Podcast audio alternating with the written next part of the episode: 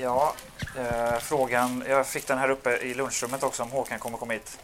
Och då sa jag att han inte kommer vara här i fysisk person, men han kommer vara närvarande på annat sätt. Nämligen genom sin musik. Så han får ha lite, vi får ha honom lite i bakgrunden här. Som lite bakgrundsljud för vad jag ska prata om. Jag hoppas inte att...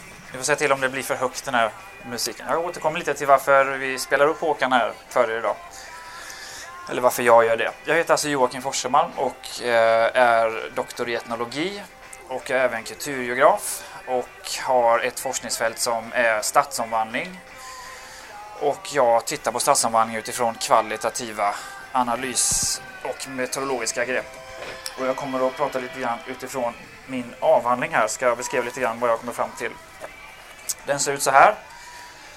Och heter Bodies, Bricks and Black Boxes Power Practices in City Conversion. Och ska vi översätta det till svenska så blir det väl något i stil med kroppar, tegelstenar och svarta lådor. Maktpraktiker i stadsomvandlingsprocesser. Och vad jag har gjort i den här avhandlingen är att studera två stycken olika fall av stadsomvandlingsprocesser här i Göteborg. Och eh, det ena är Östra Kvillebäcken ute på Hisingen. Det som ligger mellan Backaplan och Vågmästarplatsen kan man säga. Jag kommer inte prata någonting om det caset idag alls utan rör mig snarare kring långgatorna. Lite på slutet kanske jag tar upp här varför jag fastnar vid långgatorna. Det är inte bara det att jag fastnar vid det utan alla andra som läser avhandlingen eller läser om referat av avhandlingen i tidningar och så fastnar vid just det här eh, med kopplingen till porren. Eh, jag började mitt avhandlingsarbete 2002 och satt då på ett café på just Andra Långgatan och funderade på vad det var jag skulle hitta på egentligen med de här fyra, fem åren som det, det blev fem år till slut. Och kom fram till att eh, stadsomvandlingsfrågor vill jag fördjupa mig i lite mer. Det var något som jag varit intresserad av ganska länge. Och eh, just då, runt 2002, så var Långgatorna ett område som var väldigt omskrivet i tidningar på olika sätt. Göteborgsposten Göteborgs-Posten hade flera stora artiklar om underground-livet, det här som är liksom lite bakom inne på gårdarna och lite svartklubbar och sånt där. Så det var ett spännande område. Jag sänker Håkan lite till där. Eh, det var ett väldigt spännande område att titta på. Eh, samtidigt som jag började skriva om detta så höll Stadsbyggnadskontoret i Göteborg på att göra ett planprogram, alltså en liten översiktlig framtidsbild av vad Långgatan ska vara i framtiden. Det gjorde man en uppdatering av därför att en, eh, en byggherre eller en fastighetsägare ville göra om och den gamla planen var på tok för gammal så behövde man uppdatera det här. Och då kom jag in som en eh, del i den processen och hade en fokusgrupp med Stadsbyggnadskontoret. En fokusgrupp då fokuserar man på något speciellt tema som man diskuterar och vill veta saker närmare kring. Och man diskuterar tillsammans också, vilket är speciellt viktigt och som jag var intresserad av eh, rent metodologiskt. Då. Eh, då någonstans när jag började tänka, för jag ville ha fokus på makt i min avhandling på något sätt då, stadsomvandling och makt. Jag kan bara säga så att när de här låtarna tar slut sen så måste jag sluta prata för då har det gått en kvart nämligen, har jag räknat ut. Eh, jo, då vill jag fokuserar lite grann på det här området och de ville ha hjälp med att försöka förstå långgatorna. Det är ett område som har en ganska speciell karaktär och det är inte någonting som jag har hittat på att han har utan det är någonting som upprepas hela tiden av massa olika människor och i massa olika dokument, tidningsartiklar och sånt där. Långgatorna är speciellt, det har en speciell karaktär eller identitet. Och då vill jag försöka förstå vad är den här identiteten egentligen för någonting. Och det ville också Stadsbyggnadskontoret ha koll på. De ville försöka förstå det här då. Så då började vi ha möten med olika aktörer i området. Lite näringsidkare, boende, fastighetsägare. Stadsdelsförvaltningen var med, närpolis och sådär. Då hade vi fyra stycken diskussionsträffar där vi pratade om eh, den här karaktären, identiteten, Långgatan. Vad är det för någonting egentligen? Och då pratade vi om stort och smått till höger och vänster, om eh, hushöjder och varför det är bra med låga hus. Jo, för att det släpper in sol på ett visst sätt och det blir lite spännande att röra sig i det här rummet. Och det skapar något oförväntat som man inte riktigt vet när man rör sig här i rummet. Men en speciellt intressant sak som hände under de här grupperna var att eh, för Stadsbyggnadskontoret hade någon idé att man skulle bygga en, en gårdsgata på Andra Långgatan. Att försöka förstärka det här handels näringslivsstråket som ju finns där med massa affärer och kaféer och så att det skulle bli en slags förlängning av Haga, Haga Nygata. En gårdsgata är en sån gata som Haga Nygata är för den som inte känner till begreppet där då. Att bilar får inte parkera men de får åka på gåendes och boendes villkor. Eh, så en sån gata hade man tänkt sig som från Stadsbyggnadskontorets håll.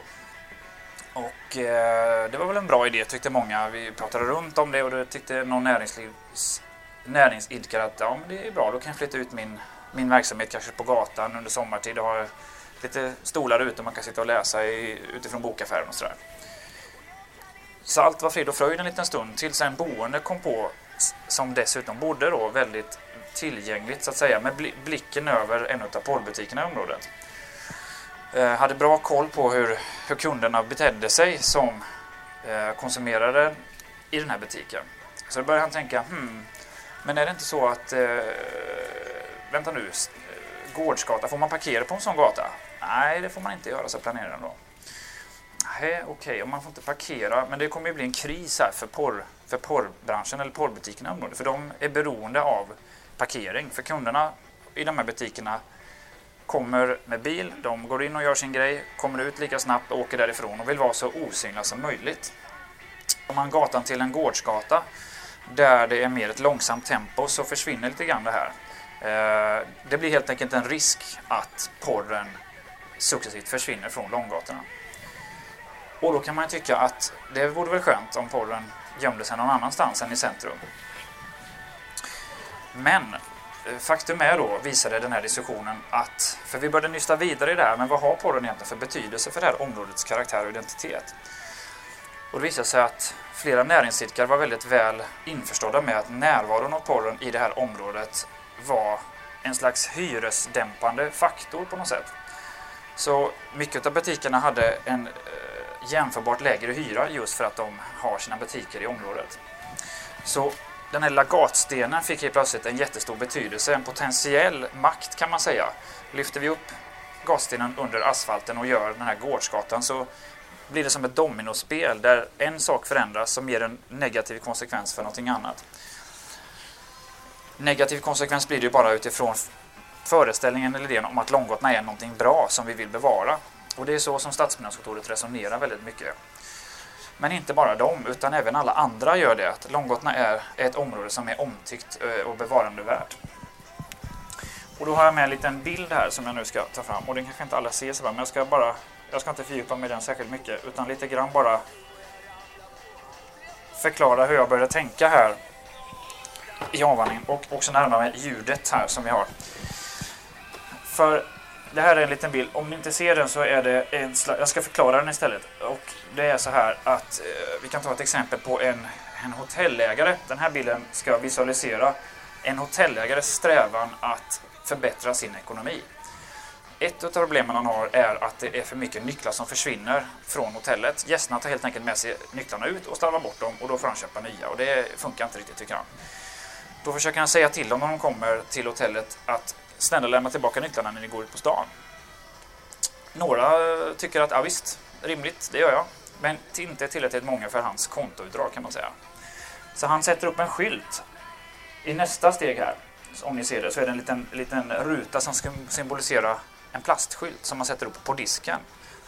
I det här steget så tillför han någonting. Han tillför materia för att försöka övertyga, om vi låtsas att vi är hotellägarna här, så försöker han övertyga oss om att vi ska lämna tillbaka nycklarna. Några av oss till gör det, för vi tycker att vi blir övertygade i det här skedet. Men inte tillräckligt många tycker han då heller. Så det sista han gör här är att sätta på en stor tyngd.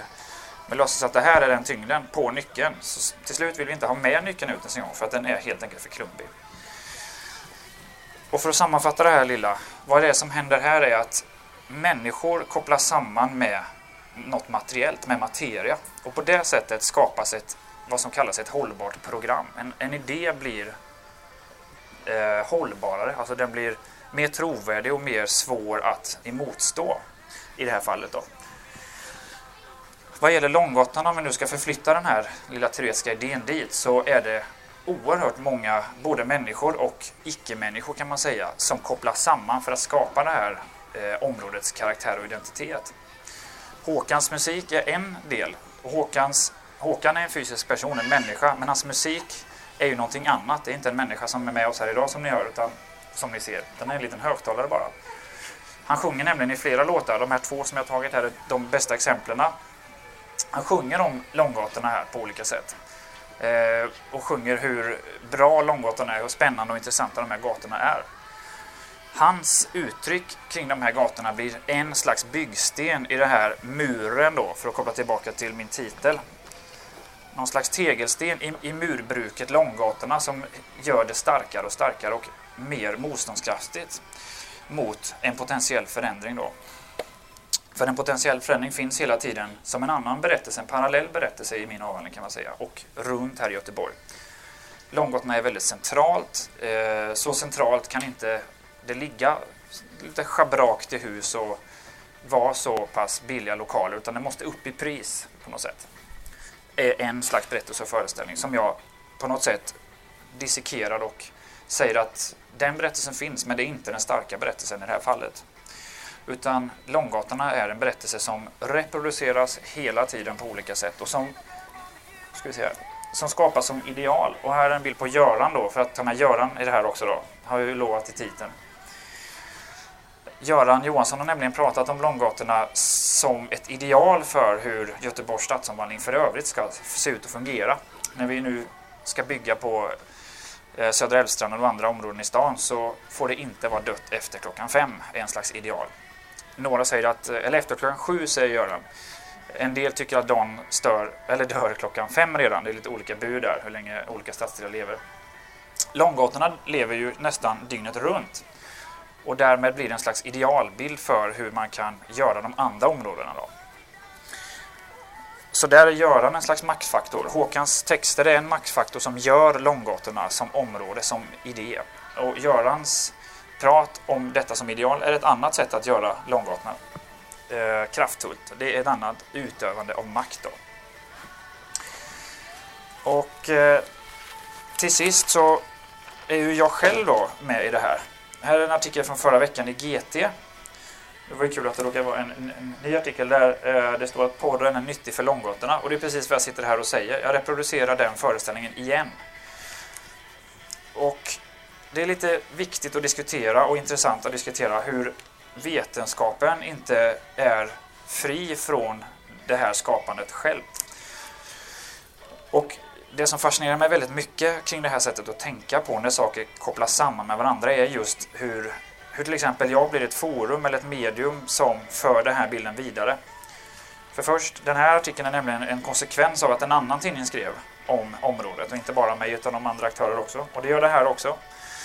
Och sen så ringde TV4 Göteborg och sa nu vill vi intervjua dig. Och så är jag här och så håller det på.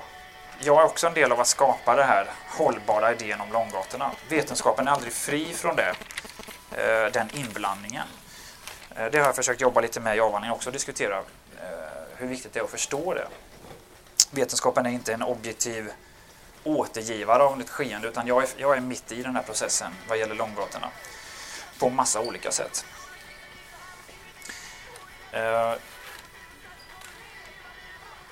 Jag hade tänkt att eh, ha en liten tysta eller en vissningslek här också. Bara för att, eh, så att säga, åskådliggöra en annan liten del av det här teoripaketet. För vad jag försöker säga här är nämligen att översättningar är det som förflyttar betydelser.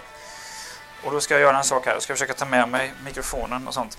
Jag ska viska en sak till dig och så ska du föra det vidare dit bort och så ska vi se vad som händer. Gamla viskeleken. Gamla viskleken.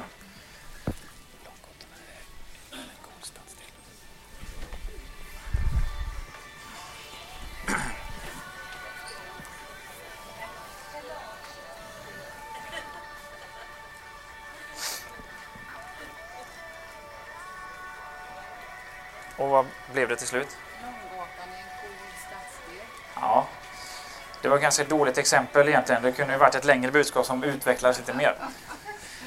Men poängen är här att så här, det är så här långgatorna blir till som området. Massa människor pratar om det och för det vidare på olika sätt. Och ibland så ändras någonting på vägen. Nu gjorde det inte det här. Och det tycker jag är ganska talande för just långgatorna. Det ändras inte särskilt mycket på vägen. Utan den här bilden som finns av ett område som alla tycker om och uppskattar återskapas hela tiden, hela tiden.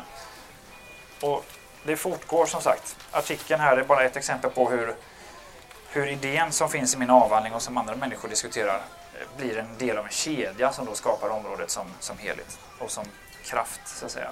Som kraftfull berättelse. Och nu är snart sista låten slut här.